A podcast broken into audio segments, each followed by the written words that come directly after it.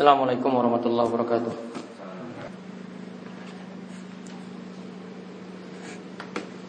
Innal hamdalillah nahmaduhu wa nasta'inuhu wa nastaghfiruh wa na'udzu billahi min shururi anfusina wa min sayyiati a'malina.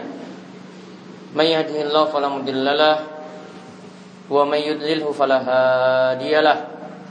Wa asyhadu an la ilaha illallah wahdahu la syarika lah وأشهد أن محمدا عبده ورسوله.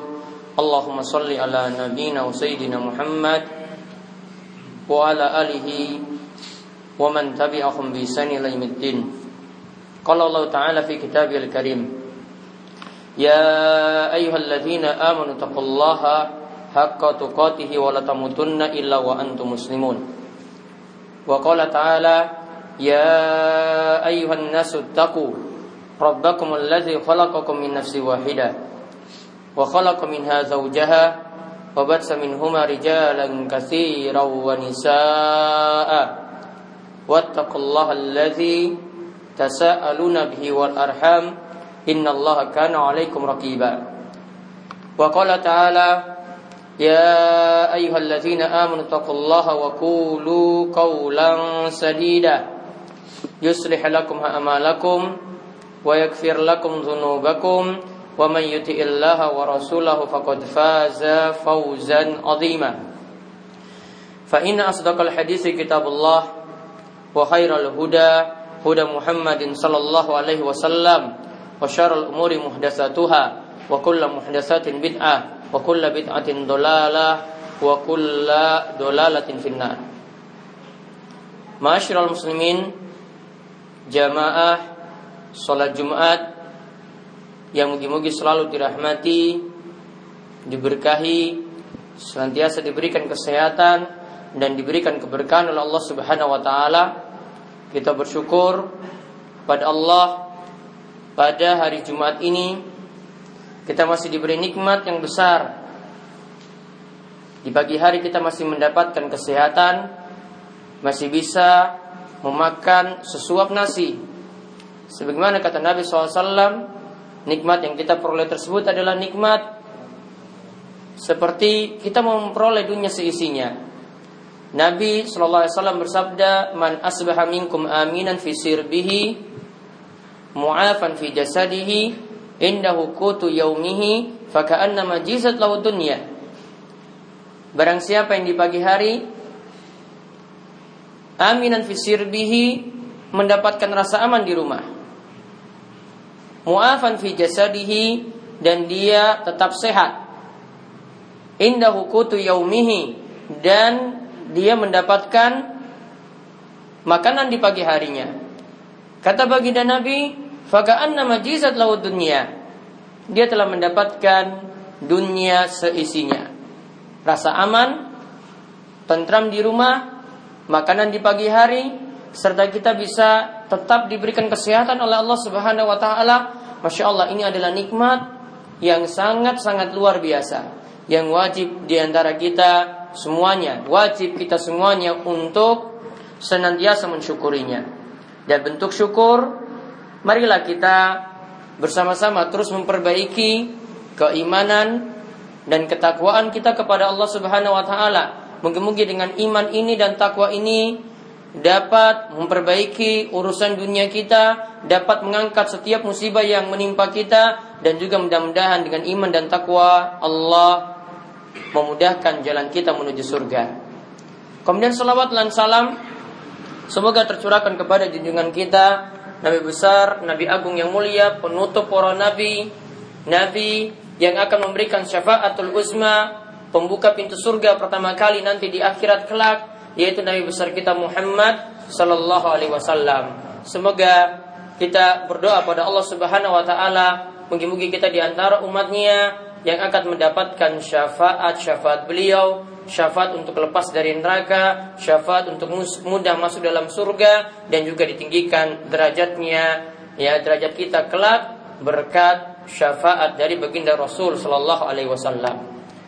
Masyiral muslimin, jamaah sholat Jumat yang semoga selalu dirahmati oleh Allah Subhanahu wa taala.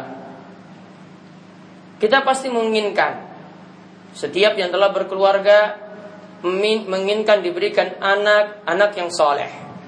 Telah memiliki keturunan, pasti sangat menginginkan anak-anak tersebut adalah anak-anak yang soleh. Dikatakan dalam ayat, Rabbana hablana min azwajina wa zuriyatina qurrata waj'alna lil muttaqina imama.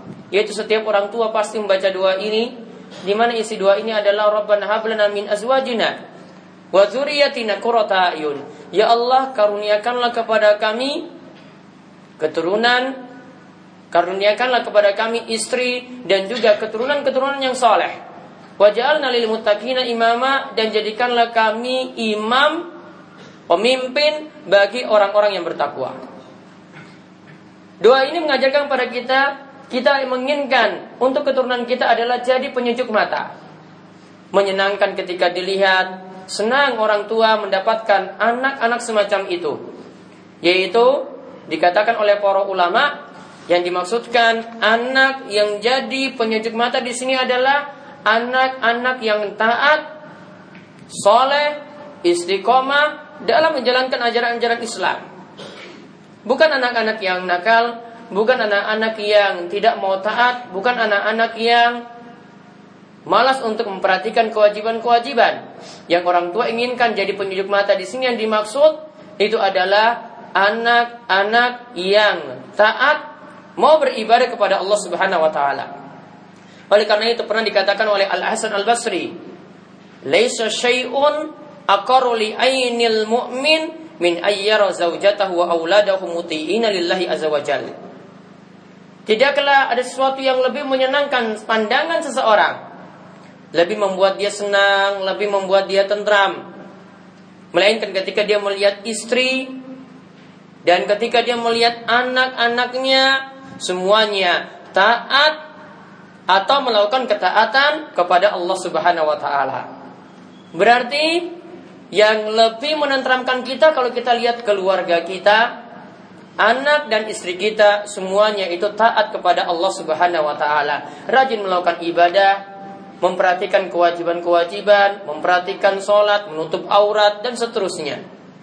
Dan inilah yang dikatakan juga bekal anak soleh ini yang bermanfaat bagi kita semuanya. Ketika kita meninggal dunia, baginda Rasul SAW dalam hadis saking Abu Hurairah. Hadisnya sahih, diriwayatkan oleh Imam Muslim.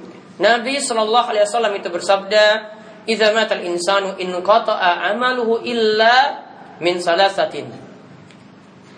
Ketika manusia meninggal dunia, maka terputuslah amalannya, maka terputuslah amalannya kecuali tiga perkara. Amalan akan terputus kecuali tiga perkara ini, yaitu kata Nabi min sodakotin jariyatin. Yang pertama adalah sodakoh jariyah, sodakoh yang pahalanya terus mengalir Imam katakan contohnya adalah wakaf. Ketika seseorang mewakafkan sesuatu, maka ini bermanfaat baginya ketika dia meninggal dunia. Kemudian yang kedua, wa ilmin yuntafa'ubi. Ilmu yang diambil manfaatnya. Kata Imam Nawawi, ilmu yang diambil manfaatnya di sini adalah lewat ceramahnya, lewat tausiahnya, lewat tulisannya, lewat penyampaiannya. Ini bisa kepada orang-orang dekat kepada istri dan anaknya, bisa kepada pegawai-pegawainya dari seorang mandor, bisa kepada anak buahnya, bisa juga kepada masyarakat secara umum. Ilmu tadi dia sampaikan, dia akan mendapatkan pahala yang tidak terputus. Kemudian yang ketiga, wa waladin saleh yad'ulahu. Anak soleh yang selalu mendoakan kedua orang tuanya. Anak soleh yang senantiasa mendoakannya. Mendoakan bapaknya, mendoakan ibunya. Di sini dikatakan anak soleh. Padahal setiap doa itu bermanfaat bagi orang yang meninggal dunia. Kenapa diutuskan anak soleh? Karena ini dorongan kata para ulama. Ini dorongan kepada anak-anak supaya terus doakan kedua orang tuanya. Anak-anak hendaklah terus mendoakan kedua orang tuanya. Dan doa di sini berlaku umum. Ya doa lahu kata para ulama, doanya sifatnya umum.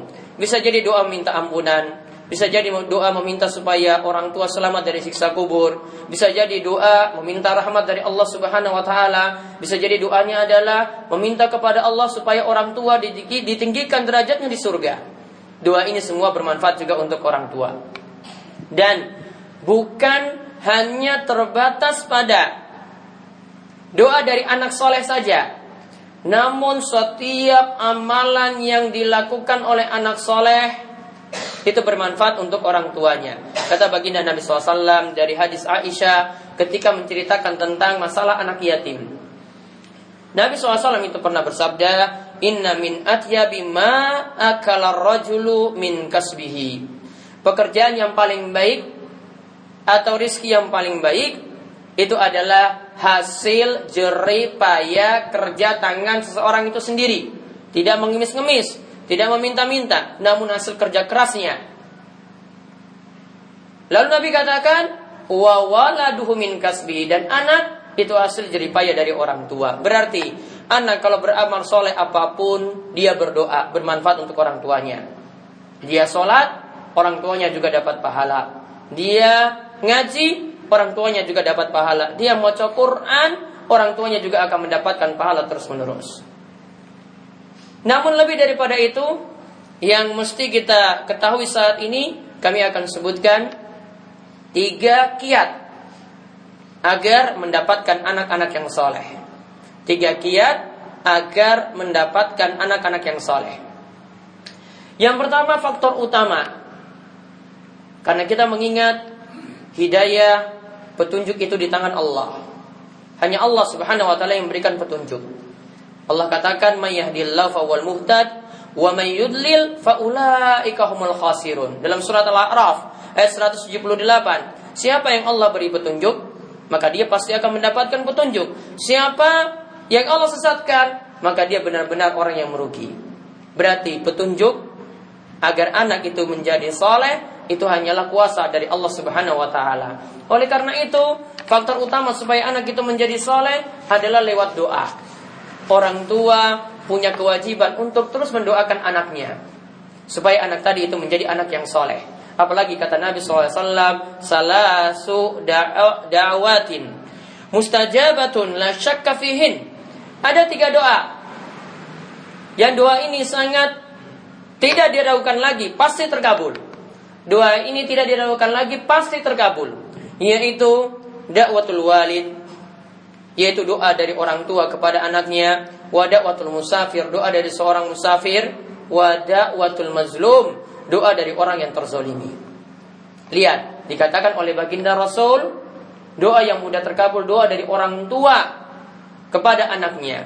Doa baik dari orang tua bermanfaat untuk anak, doa jelek pun itu juga bisa berpengaruh pada anak. Oleh karena itu kata para ulama, perbanyaklah doa yang baik kepada anak di antaranya coba lihat contoh-contoh saking para nabi.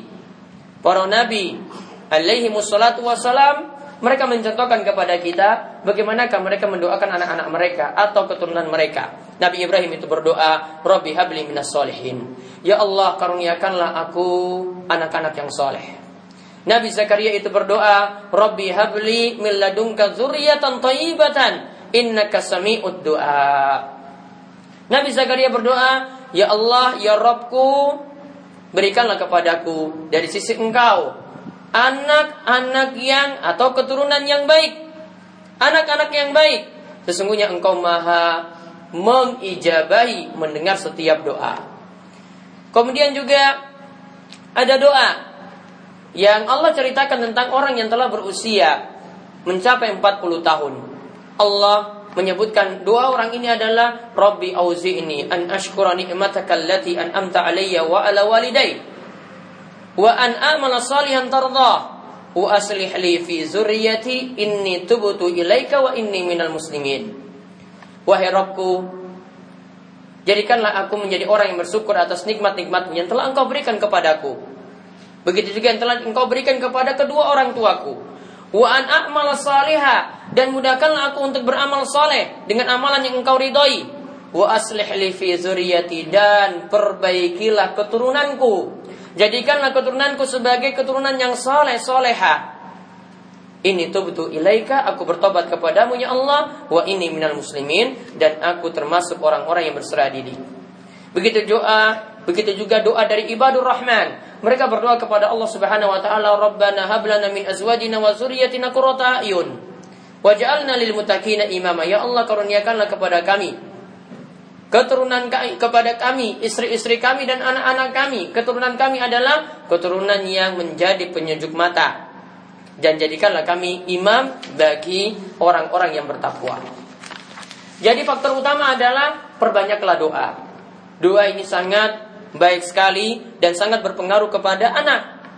Karena orang-orang soleh, para nabi dahulu, mereka selalu mendoakan keturunannya supaya menjadi keturunan yang baik. Maka setiap orang tua yang mendengar wejangan ini, yang mendengar nasihat ini, jangan lupa untuk terus mendoakan anaknya.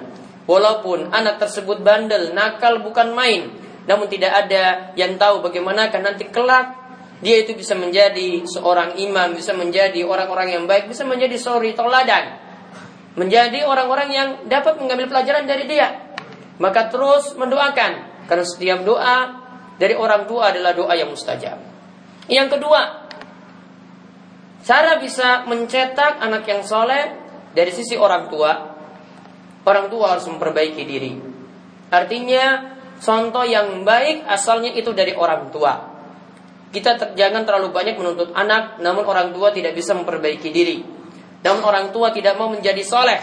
Dia selalu menuntut anaknya belajar ETPA yang baik, sholat, sholat yang rajin, tutup aurat. Namun orang tua tidak bisa memperbaiki diri. Ingat, dulu para ulama mencontohkan.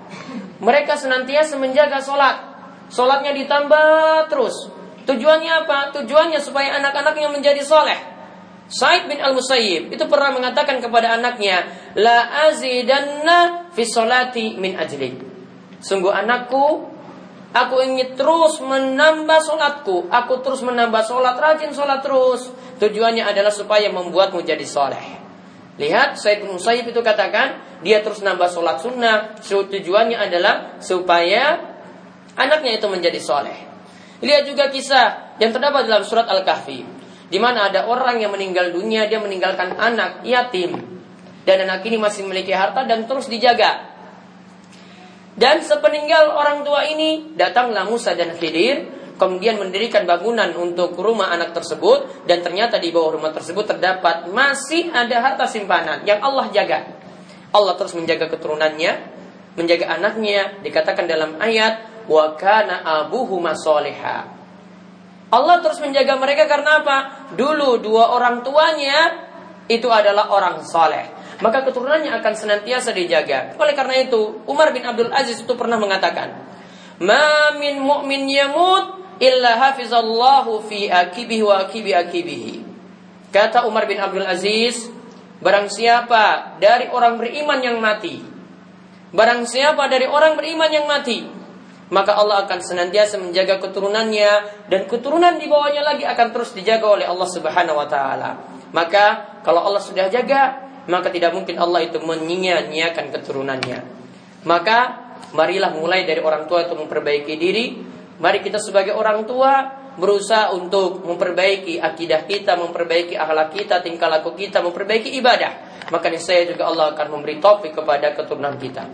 Demikian khutbah yang pertama ini wabillahi taufiq wal hidayah. Aku lu qauli hadza wastaghfirullah li wa lakum wa lisail muslimin innahu was-sami'ul alim.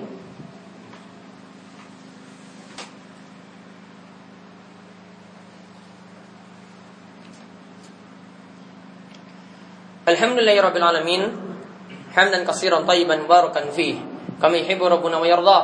Wa asyhadu an la ilaha illallah wahdahu la syarikalah وأشهد أن محمدا عبده ورسوله اللهم صل على نبينا وسيدنا محمد وعلى آله ومن تبعهم بإحسان إلى يوم الدين kaum muslimin jamaah salat Jumat yang semoga selalu dirahmati oleh Allah Subhanahu wa taala dari doa itu bisa membuat anak jadi soleh kemudian perbaikan diri dari orang tua masing-masing ini juga bisa membuat anak tersebut juga jadi baik Kemudian juga jangan lupa yang terakhir yaitu mendidik anak. Dan hendaklah mendidik anak ini sejak dini. Mulai dari anak-anak, bukan ketika sudah SMA atau sudah berkeluarga baru anak tersebut itu dididik. Ada kesempatan peluang anak tersebut untuk dididik dalam taman pembelajaran Al-Quran, dalam TPA-TPA atau di pesantren, maka ajaklah anak tersebut untuk belajar dengan baik. Karena Allah memerintahkan kepada setiap orang tua, Ya ayuhalladzina amanuku anfusakum ahlikum nara. Wahai orang yang beriman, jagalah diri kalian dan keturunan kalian itu dari api neraka. Kata Ali bin Abi Thalib, "Adibuhum wa allimuhum." Yaitu ajarilah adab dan ajarilah agama kepada mereka, biar mereka selamat juga dari neraka sebagaimana engkau juga akan selamat dari neraka. Begitu pula yang disampaikan oleh Nabi SAW dalam hadis Amr bin Shu'aib dari kakeknya. Nabi SAW bersabda, Muru awladakum bisalah, wa hum abna'u sab'i sinin, wadribuhum alaiha, wa hum abna'u ashra sinin, wa farriku bainahum fil madaji. Nabi SAW merintahkan kepada orang tua, perintahkanlah anak-anak kalian untuk sholat. Sudah diperintah ketika usia tujuh tahun. Lalu pukullah mereka kalau mereka nggak mau sholat, pukullah mereka ketika mereka sudah berusia sepuluh tahun dan pisahkanlah mereka antara laki-laki dan perempuan di tempat tidur mereka. Maka lihat di sini diperintahkan anak supaya diajari sholat.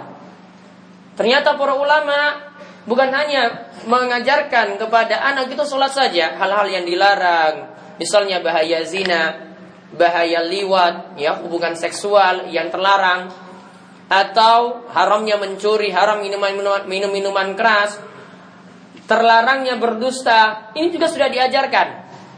Hendaklah sudah diajarkan ketika anak usia 7 tahun atau 10 tahun tadi. Ini harus dilarang keras, apalagi sudah berusia 10 tahun tidak mau sholat. Kemudian Nabi SAW juga pernah mengajarkan kepada anak-anak kalau tidak mengerti adab-adab makan, ya belajarlah bagaimana. Pela, uh, ajarilah anak-anak itu supaya bisa makan dengan benar. Nabi SAW ajarkan, ya gulam, samillah, wakul biyaminik, wakul mimma yalik. Wahai anak kecil, wahai pemuda, sebutlah bismillah ketika makan, makan dengan tangan kananmu dan makan yang ada di dekatmu. Maka lihat, Nabi SAW juga ajarkan kepada anak-anak seperti itu. Itu tanda bahwasanya beliau sangat memperhatikan pendidikan pada anak apalagi sejak usia dini sejak usia kecil. Maka monggo para bapak-bapak yang hadir dalam sholat Jumat kali ini, marilah kita perbanyak doa kepada anak-anak kita, terus kita memperbaiki diri dan ajarkan kepada mereka agama. Kalau tidak, ajak mereka untuk masuk dalam TPA semangati mereka atau ikut-ikut pelajaran yang ada di pesantren. Mudah-mudahan Allah Subhanahu wa taala menganugerahkan kepada kita anak, anak yang soleh soleha, jadi penyejuk mata dan bermanfaat untuk orang tua nantinya. Masyaallah muslimin, rahimani wa rahimakumullah, di akhir khutbah ini Nabi SAW menganjurkan kepada kita di hari Jumat untuk bersalawat kepada beliau. Siapa yang bersalawat kepada beliau sekali, maka Allah akan membalas salawatnya sebanyak sepuluh kali. Inna Allah wa malaikatahu yusalluna ala nabi. Alaihi wa sallimu taslima. Allahumma salli ala Muhammad wa ala ali Muhammad kama sallaita ala Ibrahim wa ala ali Ibrahim innaka Hamidun Majid. Allahumma barik ala Muhammad wa ala ali Muhammad kama barakta ala Ibrahim wa ala ali Ibrahim innaka Hamidun Majid. Marilah kita berdoa pada Allah di hari yang penuh berkah di mana juga hari Jumat adalah hari terkabulnya doa. Mugi-mugi Allah mengabulkan setiap doa-doa kita. Allahumma firil muslimina wal muslimat wal mu'minina wal mu'minat al ahya'i minhum wal amwat innaka sami'un qaribun mujibud da'wat. Allahumma qsim lana min khasyatika ma tahulu bihi bainana wa baina ma'siyatik wa min ta'atika ma tuballighuna bihi jannatak wa min al-yaqini ma tuhawwinu bihi alaina masa'ibad dunya. Allahumma matina bi asma'ina wa absarina wa quwwatina ma ahyaitana waj'alhu warisa minna waj'al sa'rana ala man zalamana wansurna ala man adana wa la taj'al musibatana fi dinina wa la taj'al ad-dunya akbaru hammina wa la mablagha ilmina wa la tusallit alaina علينا من لا يرحمنا اللهم ألف بين قلوبنا وأصلح ذات بيننا واهدنا سبل السلام ونجنا من الظلمات إلى النور ربنا هب لنا من أزواجنا وذريتنا قرة أعين waj'alna lil muttaqina imama rabbana hab lana minas salihin rabbana hab lana minas salihin rabbana hab lana minas salihin ya Allah ya Rabb kami ampunilah segala dosa-dosa kami. Dosa kedua orang tua kami. Dosa anak-anak kami. Begitu juga orang-orang yang telah mendahului kami. Ya Allah ya Rabb kami karuniakanlah kepada kami anak-anak yang soleh soleha Jadikanlah mereka jadi penyejuk mata bagi kami. Jadikanlah kami sekeluarga menjadi orang yang taat, dibimbing untuk sholat, dibimbing untuk terus melakukan kewajiban-kewajiban dan menjauhi segala macam maksiat. Ya Allah, keluar karuniakanlah kepada negeri ini, negeri yang tentram, negeri yang penuh keberkahan, dianugerahi pemimpin-pemimpin yang saleh, pemimpin-pemimpin yang muslim yang dapat memberikan kemanfaatan bagi kaum muslimin. Ya Allah, turunkanlah keberkahan hujan dari langit. Ya Allah, turunkanlah keberkahan hujan dari langit. Ya Allah, angkatlah musibah, musibah kekeringan yang menimpa negeri kami ini. Allahumma agisna, Allahumma agisna, Allahumma agisna, Allahumma agisna. ربنا آتنا في الدنيا حسنة وفي الآخرة حسنة وقنا عذاب النار. ربنا آتنا في الدنيا حسنة وفي الآخرة حسنة وقنا عذاب النار. ربنا آتنا في الدنيا حسنة وفي الآخرة حسنة وقنا عذاب النار. إن الله يأمر بالعدل والإحسان وإيتاء ذي القربى وينهى عن الفحشاء والمنكر والبغي. يعظكم لعلكم تذكرون. ولذكر الله أكبر. أقيموا الصلاة.